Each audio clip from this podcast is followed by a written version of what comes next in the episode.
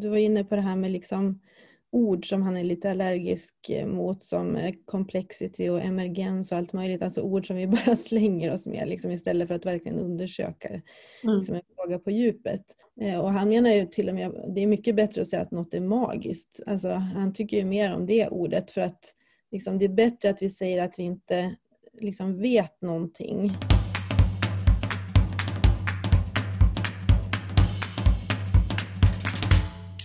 Hej och välkommen till podcasten Art of Collaborating som är producerad av Lenka. I den här podden pratar vi, det vill säga Caroline Bottheim och Anna Singmark, om intressanta fenomen som kan hjälpa oss att förstå och driva samverkans och multiaktörsprocesser framåt.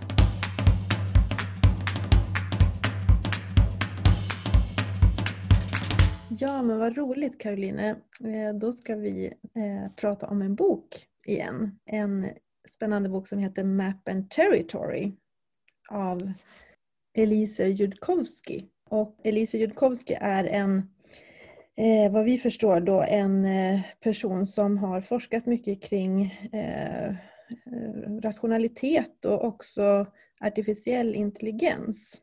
Och han, är, han kallar sig också för decision theorist, att han är någon form av liksom beslutsteoretiker. Och eh, det ska bli intressant att prata om den här boken. Eh, jag tänkte att jag börjar med att ställa frågan till dig nu som en incheckningsfråga. Vad känner du just nu? Vad känner du inför det här samtalet? Ja, vad bra fråga. ja, vad känner jag? Jag känner väl eh, lite ambivalenta känslor. Jag har ju inte lyckats ta mig igenom hela boken och det känns ju lite tråkigt för att eh, då känns det som att eh, jag kanske har missat någonting. Men samtidigt vet jag att du har tagit dig igenom hela boken så det kan ju bli bra. Eh, men det känns också... Eh, jag tycker det här känns som ett jätteviktigt ämne han tar upp. Liksom det här med att tänka klokt. Så det är så jag har läst det jag har läst. Men sen tycker jag ju att det är inte jättelätt att läsa den eh, boken. Så att det är liksom... Ja. Vilket, nej men jag, känner, jag känner mig eh, jättenyfiken faktiskt på det här samtalet. Hur känns det för dig inför det här samtalet? Jag har väl också känt lite grann av en, en sån här ambivalens. Många andra böcker som vi har pratat om har jag känt så här Åh vad kul, nu ska vi prata om den här boken. Den här boken har på något sätt Ja, jag tycker att den är intressant och jag tycker den har liksom intressanta delar och samtidigt så Ja, den är lite svårgenomtränglig och sen kan jag eh, kanske ibland tycka att, att sättet som, som ehm, han skriver på är, är ganska tillrättavisande någonstans eller vad man ska säga. Så att eh, jag, jag har liksom så blandade känslor eh, inför boken. Både väldigt många intressanta delar men också att jag känner mig lite sådär ja, fundersam. Liksom. Men, men å andra sidan så tänker jag att det kan ju vara minst lika intressant ändå. Då har det väl på något sätt stört mig lite grann. Så att, eh. Dubbelklickar på det eh, när du säger att du känner att, det, att han är liksom tillrättavisande. Mm. Och, kan du liksom beskriva det lite mer? Vad, är du, vad, vad betyder det? Liksom? Ja, men jag upplever att han han har liksom en väldigt stark intention av att, eh, att hjälpa oss i vårt, vårt rationella tänkande någonstans och att liksom ta ner det i ett vardagligt tänk. Hur kan jag bli liksom mer rationell och hur kan jag basera liksom mina beslut och hur kan jag föra ett resonemang som är mycket mer rationellt. Och det är ju jättespännande för, för det är klart att vi kan alltid lära oss att, att förstå världen utifrån ett rationellt perspektiv. Samtidigt så tycker jag att han också på något sätt ibland kan liksom tycka att han uttrycker sig liksom ibland, ja men det är idiotiskt att inte liksom eh, tänka på det här sättet. Det, alltså han kan ha ganska starka värdeladdande ord kring, kring när man då inte lyckas tänka rationellt, tycker jag då. Mm. Eh, att jag, bara, jag, jag är lite bara, ja, jag tycker det är lite intressant med sättet han formulerar sig på. Du sa ju det innan i något, i något annat samtal att du, du tycker liksom inte att den, har, den här boken har gett dig samma energi eller liksom så här, som andra böcker och då bara tycker jag, jag tycker det är så intressant i sig. För när du läser så, alltså om, om du då, när han då uttrycker sig på det sättet som du säger, alltså lite så här tillrättavisande och så. vad händer med dig då? Eller liksom vad... Jag vet inte om det är det som har gjort att jag inte kände samma energi kanske. Nu när jag tänker efter, nu när du dubbelklickar. Det kan vara också att, att många liksom, eh, kapitel är ganska svårgenomträngliga också. Ja, mm. nej, men det är nog både det då och så sen kanske eh, lite grann att, att jag får lite lägre energi när, när jag tycker att, vi brukar prata om det här med linjära uttalanden och cirkulära uttalanden, att jag tycker att det är ganska mycket mm. linjära uttalanden i den här boken. Så här är det och om man inte fattar det så är man helt, eh, helt illa ute så att säga. Mm. Mm. Men jag, jag kan liksom ehm, det, känner någon form av ehm, igen mig i det du säger på ett sätt för att jag och jag har liksom antecknat jättemycket eh, utifrån det också. Att jag liksom, när jag tycker att han själv, för att han, han resonerar ju väldigt mycket kring hur vi ska resonera klokt. Och sen, men i hans egna resonemang så finns det ju också en massa fallgropar.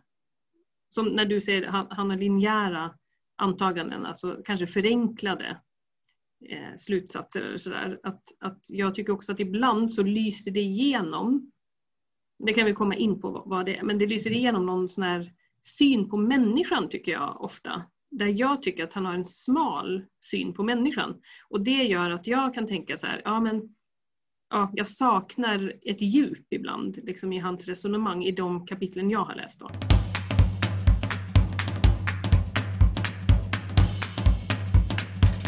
Skulle kunna börja lyfta det vi tycker är spännande med den här boken. Jag älskar att det finns den här boken, den heter ju Map and Territory. Och eh, jag, jag, hittade ju den efter att, eller jag blev inspirerad att beställa den här boken efter att eh, jag hade lyssnat på ett samtal mellan Jonna Bornemark och eh, Nora Bateson, där Nora Bateson pratade om det här med att våra kartor av verkligheten inte motsvarar landskapet vi navigerar inom. Att vi liksom har skapat oss kartor som inte, gör att, som inte hjälper oss riktigt kanske i det läget vi är i. Och det, liksom, själva den bilden tyckte jag var väldigt spännande. Att liksom tänka, ja vad har vi egentligen för kartor över landskapet? Eh, och eh, hur kan vi... Det går lite in i det här att, att ta lite ett metaperspektiv på hur navigerar vi? Liksom, vad använder vi för kartor när vi navigerar? Så, och det tycker jag är jättespännande att någon överhuvudtaget gör sig ansträngningen att fundera på hur kan vi som människor på riktigt tänka klokt? Liksom? För det tycker jag det handlar väldigt mycket om. Eller det, det är liksom, ja, så, så har jag som sagt läst den lite själv. Att jag, och utifrån att jag tycker det är intressant, hur kan vi liksom skapa hur kan vi förstå bättre vad som händer i oss när vi tar oss an frågor? Alltså, och då är det ju så att han tar upp väldigt mycket fallgropar i tänkandet. Han skriver ju om det, att han tycker att vi har liksom ingen riktig vetenskap, eller vi har inte tagit oss an just den där, hur tänker vi klokt egentligen? Att det saknas lite i vårt, eh, vi har inte lärt oss det. Det är ju inget liksom, ämne vi har i skolan eller så. Hur ska vi tänka klokt som människor? Jag tänker, det kopplar lite an till det här, den andra boken när vi läste om systems thinking for a turbulent world eller vad den hette för något. Som ju också var väldigt alltså, metaperspektivaktig på något sätt. Men, men jag tänker att, eh, och det han då skriver är ju att vi kan i alla fall förutse väldigt mycket vissa fallgropar, tankefallgropar vi människor går in i väldigt lätt.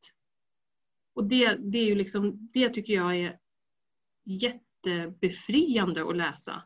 För att jag tycker ibland att jag kan känna det, att vi sitter och pratar och vi kommer ingenstans i samtalen när det gäller just hur vi är kloka tillsammans. Så det tycker jag var spännande. Eh, nej men jag håller med. Liksom. Jag tycker också hela angreppssättet, det här med eh, vad har vi för kartor och hur väl, liksom, eh, hur väl eh, illustrerar de den verklighet som vi befinner oss i. Att det är ju en jätteintressant liksom, frågeställning. Jag tycker mig inte kanske ha sett så mycket de här orden, hur tänker vi klokt tillsammans? Utan jag tänk, tycker mer att jag har sett där, liksom, hur tänker vi rationellt och hur, hur liksom får vi till ett mycket bättre rationellt tänkande? Eh, och det är ju också väldigt intressant och som du säger liksom en massa liksom fallgropar i när vi egentligen inte tänker så, så rationellt. Så han ger ju jättemycket bra exempel verkligen på, på när vi gör liksom en slutledning av någonting baserat på, alltså där det egentligen inte eh, enligt honom då finns liksom eh, en rationell evidens eller en rationellt liksom, att vi kan egentligen inte basera det vi säger på, på någonting rationellt. Liksom. Och det är oerhört spännande. Får jag bara eh, fråga dig en mm. sak? Nu sa du, nu sa du så här att du, läst, du har inte läst det som att tänka klokt utan mer tänka rationellt. Och då är frågan, vad är skillnaden mellan att tänka klokt och att tänka rationellt för dig? Jag tänker att han i hela den här boken liksom har, har liksom en sån logisk ansats. Eller liksom, han tycker på något sätt att man hela tiden ska gräva i varför fungerar det på det här sättet. Varför, varför, varför, varför. Liksom att hela tiden hitta bevis för det man säger någonstans. Och om det inte finns något bevis så, så tycker jag att han ofta uttrycker att då, då liksom är man ganska korkad. Liksom, då kan man inte säga någonting egentligen. så. Och då tänker jag att det kanske, det kanske finns, finns också andra eh, dimensioner på att också tänka klokt. Liksom, han menar ju till exempel på att han tycker att man ska liksom vänta med sin, sin värdering till exempel i en fråga. Han pratar ju också om det här med suspending judgment till exempel. Man, ska inte, man måste liksom veta mer innan man går in och värderar liksom en fråga vi brukar ju säga att det finns liksom en sanning i, i, varje perspektiv på något sätt och det finns kanske något intressant i varje perspektiv. Och, så där. och jag har uppfattat att han är mer att ja, men, det finns alltid någonting som är mera sant. Eller, liksom, sanningen är inte bara att vi uppfattar saker på olika sätt utan det finns verkligen något som är sant. Och det är väl där som jag också jag tycker är lite intressant han, han menar ofta på att det, det, finns liksom en absolut sanning. Och när vi håller på och säger att ja, men vi uppfattar sanningen kanske olika om vi liksom kommer från olika håll och kanter i den här frågan. Så jag uppfattar att han lite grann dissar den tanken. Har du också mm. upplevt det när du läste? Eller? Ja, men jag försöker liksom eh, tänka, ja, alltså, ja, jag kan på ett sätt. Samtidigt så tycker jag att det han, han då är bra på, för han, han, dels försöker han ju verkligen förklara vad han, vad, vad han menar med rationellt. Det finns ju ett kapitel som heter Feeling Rational till exempel. Då tar han ju till exempel upp att, eh, det, finns ingen, att det finns en, kanske en tradition av att vi tänker att när man är rationell, då är man inte emotionell. Eh, så att när man liksom blir känslomässigt berörd av en fråga eller man, man, man liksom agerar och visar sin känsla, alltså antingen att man är verkligen bejakar någonting eller tycker något är jättehärligt eller man tycker något är fruktansvärt. Att det är vi inte så vana vid. Så resonerar han. Att det är liksom som att man, det är mer accepterat att vi är lugna till exempel. Då, då anses vi vara lite mer rationella. Det, den texten tyckte jag faktiskt var väldigt bra för den kan jag känna igen mig i så himla mycket.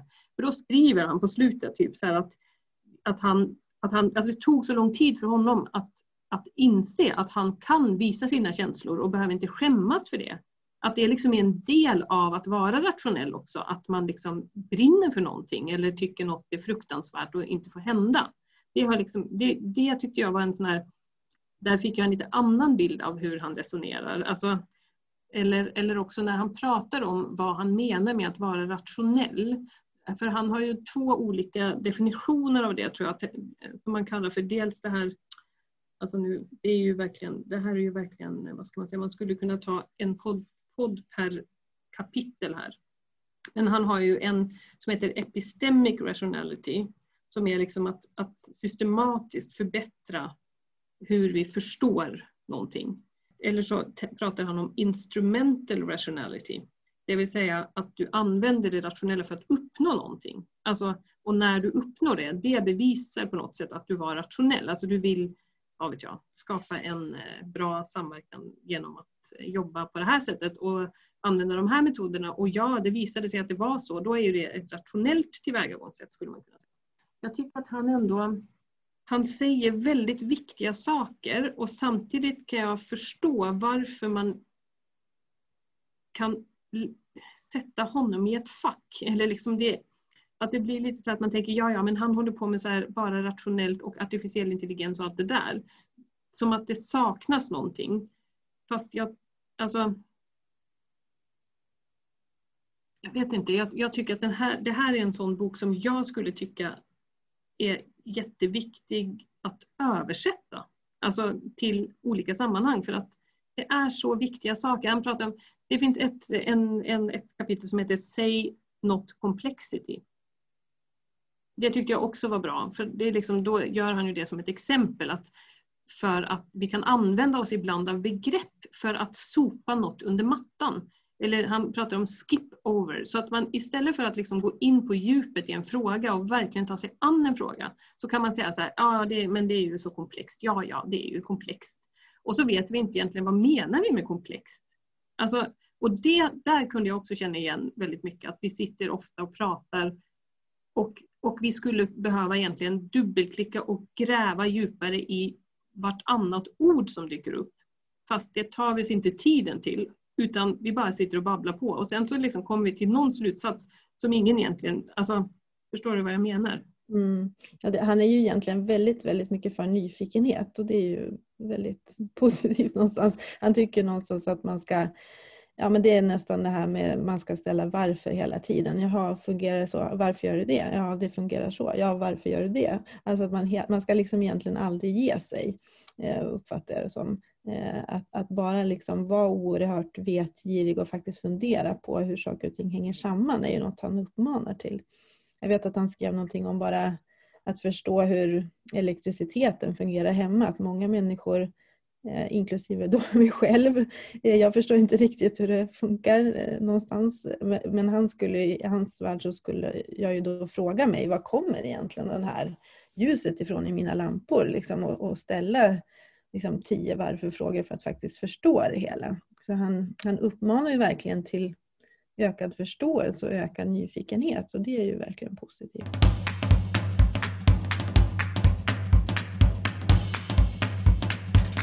Skulle vara spännande egentligen de här också tankemässiga vurporna som han är inne på. Han beskriver det ibland lite krångligt men men om man skulle kunna förenkla dem, liksom, han kallar det för cognitive bias någonstans, liksom, att de är väldigt intressanta att prata om. Att vi liksom, han ger ju ett exempel, det är bara en typ av sån här cognitive bias, att, att vi kan ibland säga typ så här, ja det har regnat ute och, och det, därför är det vått på trottoaren och därför är det eh, halt. Eh, och sen om, vi då, om det då är halt en dag då gör vi ofta automatiskt slutsatsen av att det har, har regnat. Alltså att vi, om x blir y är det inte säkert att y är x. Alltså det, det finns mm. liksom, det finns ju många sådana där saker som vi kanske allmänt bara jättelätt bara slänger oss med olika saker som vi bara vi gör snabba liksom antaganden om saker som, mm. som vi egentligen inte vet. Och det är ju lite intressant. Jag tänker också olika diskussioner då man kan ju, apropå det här med, prata om det här med linjära uttalanden, liksom att, att man bara säger, ja men så här är det förstår ni. Liksom att det finns ju ganska mycket av det i olika sammanhang, att vi bara säger att ja men så här är det. Men vet vi det liksom? Egentligen. Ja, och, och jag tänker också när man då tänker på om man, om man applicerar det här på de här liksom samverkansmötena, om man nu tänker så.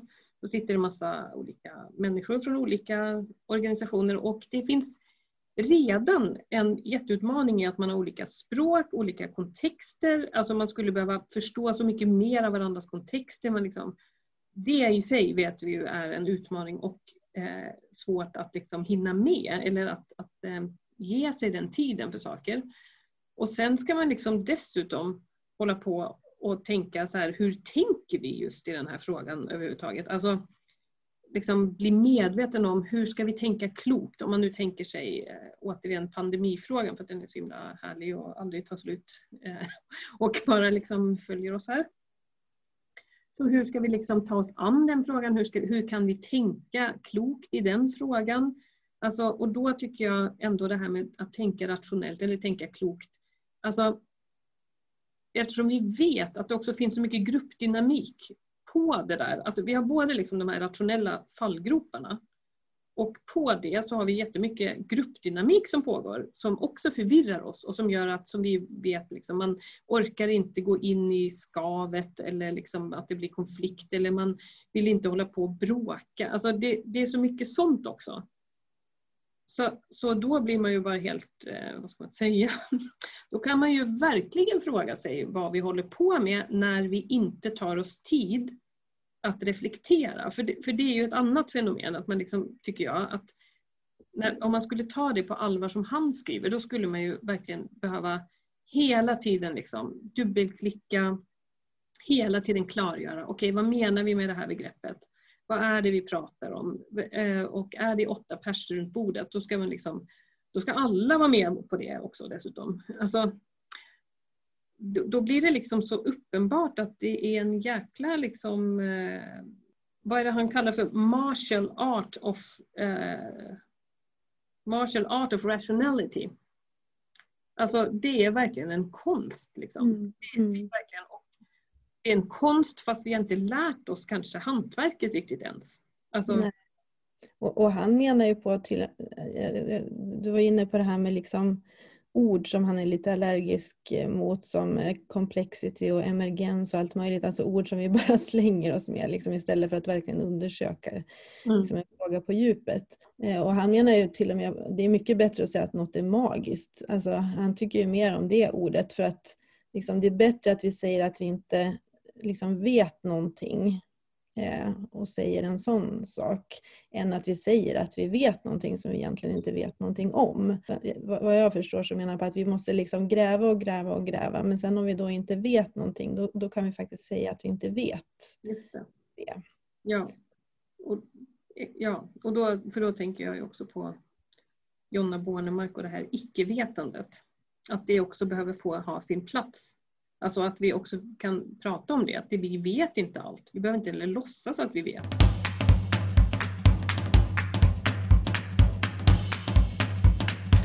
Alltså när man inte tänker som han då, alltså inte har alla de här jag bara tänker, vad, vad händer då? Liksom? Vad är det vi håller på med när vi inte är medvetna om... För, för han, alltså han, han eh, pratar ju om det där med first order tänkande och second order, att man liksom behöver förstå då, eh, om man börjar synliggöra, vad är det, hur tänker vi just nu kring den här frågan? Det är ju ingenting som jag i alla fall upplever att vi gör särskilt mycket. Och vad, vad är det vi då gör? Mm. Är vi då de här blinda som leder de blinda? Liksom? Ja, och eh, liksom att vi kanske i många sammanhang, ungefär som jag då med, med eh, elektriciteten hemma hos mig, att jag vet inte riktigt det, hur det egentligen funkar. Jag är bara jätteglad över att lampan lyser.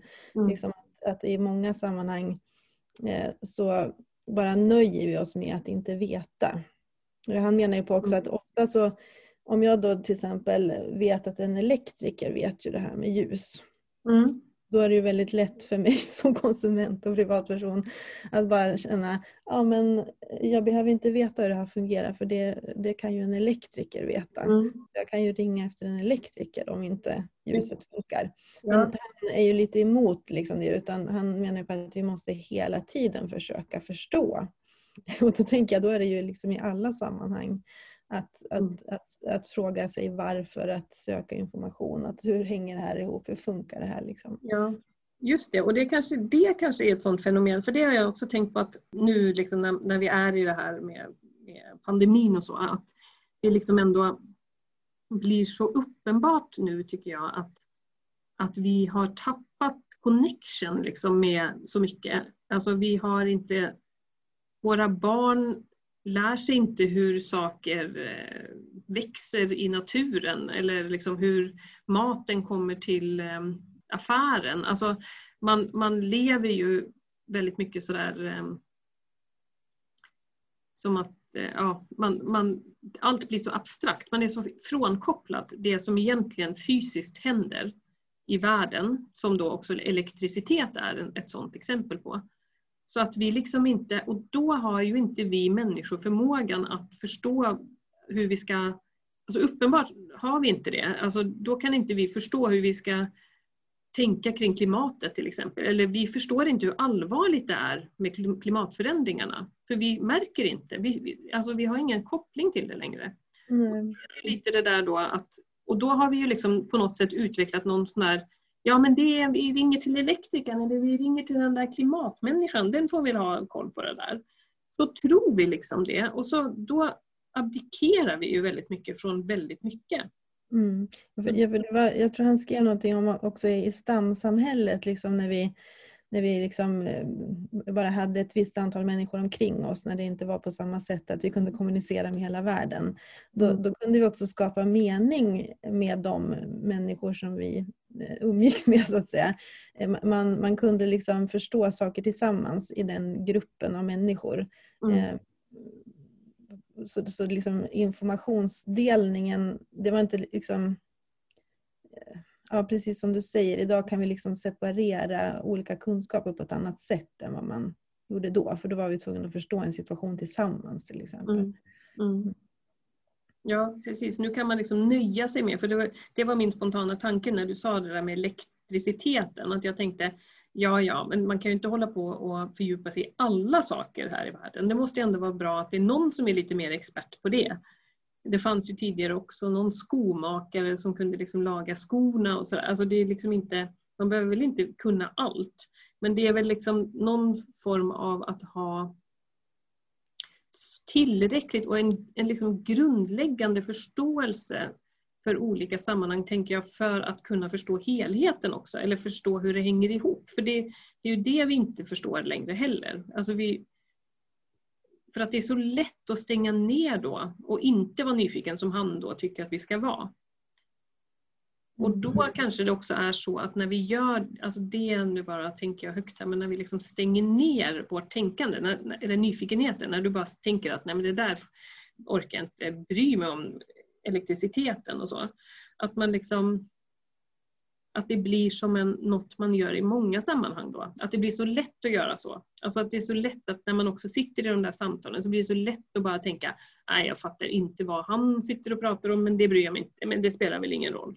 Istället för att, eh, jo det är faktiskt jätteviktigt för att vi ska komma framåt i den här frågan. Men det är liksom som att eh, jag vet inte om det är också en del av det här att vi har separerat så mycket, vi har specialiserat så mycket så att vi, vi liksom, jag vet inte, vi, vi har väldigt svårt att ta oss in i andra eh, områden liksom, som inte är naturliga för oss. Alltså, mm.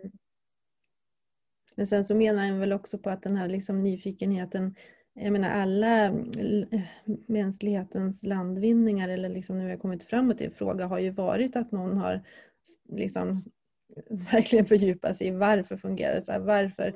Och liksom vi har börjat med en viss världsbild och trott att det här är liksom den världsbild som är sann. Eh, men sen är det någon som har liksom intresserat sig riktigt mycket och ställt alla de här frågorna och fördjupat sig och sen har det liksom lett till att vi har upptäckt något nytt och liksom skapat oss en ny bild. Så att det är också väldigt viktigt utifrån ja, men vi kan inte tro att vi vet liksom inte allt. Det finns liksom så mycket mysteriska, mystiska frågor kvar eh, som, eh, som, vi kan upptäcka tillsammans. Så det är väl också något sånt där, liksom, låt oss fortsätta upptäcka saker.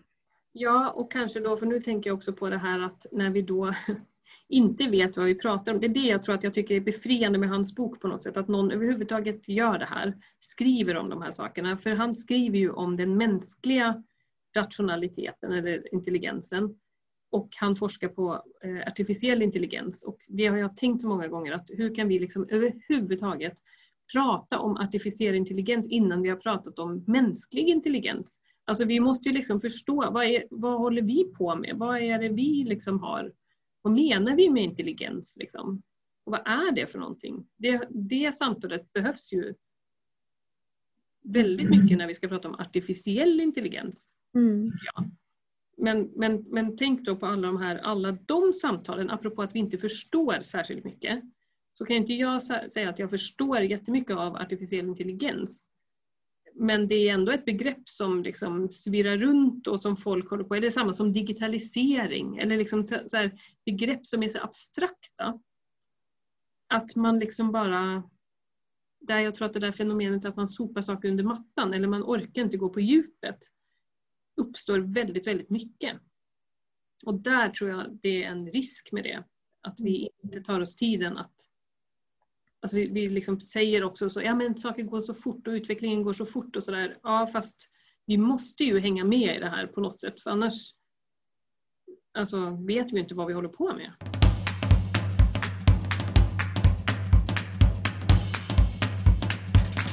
Om man tänker att vi skulle avrunda då det här samtalet om den här boken Map and Territory eh, och checka ut. Jag tänker den här frågan, eh, hur känns det nu kopplat till den här boken? Kan vi inte ta en sån här positiv fråga? För jag känner lite så att jag blir lite nästan deprimerad av det här. Att jag bara tänker, hur ska det gå för oss? Ja, vad skulle en positiv fråga kunna vara? Ja, men vad ger dig hopp för mänsklighetens um, klokskap? vad ger dig hopp att vi kan liksom tänka klokt tillsammans? Eller mer rationellt, eller vad man nu ska säga då, utifrån mm. att han ju faktiskt pratar om väldigt mycket fallgropar. Mm. Det är en okej fråga. Det är en okej fråga. Um, ja, men jag, jag, börjar ändå svara på den här frågan hur det känns. För nu mm. känner jag mig mycket mer faktiskt positiv kring den här boken. Uh, utifrån det här samtalet med mm. dig. Apropå det här att man går in i sin egen autopoetiska referensram eller liksom uh, Eh, nu har jag suttit med den här boken i en vecka för mig själv och nästan svurit lite grann över vissa kapitel. Men eh, jag är väldigt glad över att jag läst den. Jag är väldigt glad över att prata om den med dig också. Det har gett liksom mer perspektiv på, på den här boken. Och eh, ja, men jag, utifrån det här samtalet också så tänker jag att det finns väldigt mycket i den här boken som, som faktiskt vi kan lära oss av. Både kopplat till men liksom, hur tänker vi egentligen kring en fråga och skulle vi kunna eh, ändå tänka lite mer rationellt kring olika frågor. Och också det här med nyfikenhet, om vi egentligen fortsätter att vara nyfikna eh, och hela tiden liksom faktiskt också olika diskussioner som du säger att det kan finnas buzzwords och saker som vi bara slätar över. Att vi faktiskt kanske dubbelklickar på dem och försöker förstå dem mer tillsammans. Mm. Och att jag själv också kanske försöker förstå mig på hur elektriciteten fungerar. Att jag faktiskt eh, inte bara tänker ja, det där tar väl någon annan hand om. Mm. Så att jag känner mig eh, faktiskt mycket, mycket, mycket mer positiv kring den här boken nu. Mm, vad kul! Men om du ska också svara på vad ger dig hopp då för liksom människans framtida rationella förmåga? Ja, men jag tror att det är väl alltid så liksom, eh, om man sätter ord på någonting. Han har ju sagt, satt ord på en förmåga som som kan vara eh, ett positivt bidrag i världen. Så jag tänker att bara att sätta ord på, på den här förmågan är ju jätteintressant och värd att sprida. Så att eh, det är väl där som jag står just nu. Mm. Vad tänker du då? Nej men som sagt, jag, när jag på känslan så kände jag ju helt så här att jag bara tänkte så här, åh herregud det här är helt övermäktigt. Det här är så himla, åh gud alltså hur ska vi någonsin kunna tänka klokt som människor? Vi måste bara liksom acceptera att vi bara är sådana där väsen som bara håller på liksom blinda och testar oss fram. Liksom. Men det är ju det som han egentligen då också... Sen blev jag ju väldigt glad när du sa att du har en annan känsla nu. Och också att jag, jag håller med att det är väldigt kul att prata om saker för det, är liksom, det gör ju att man får syn på sitt eget tänkande också och hur man läser alltså olika saker också på olika sätt.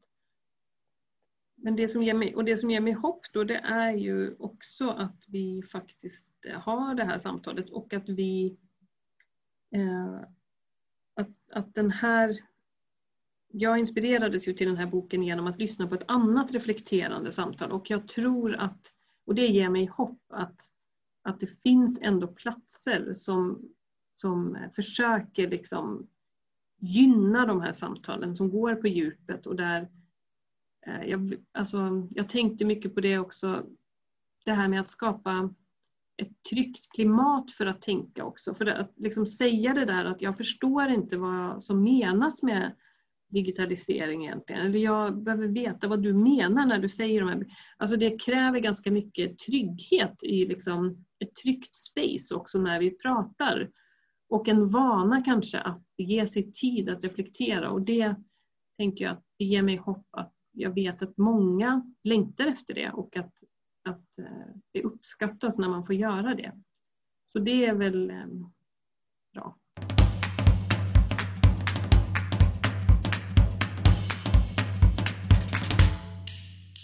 Tack för att du har lyssnat. Den här podden är producerad av Lenka och redigering görs av Emma Larsson som är skribent och dokumentärfilmare.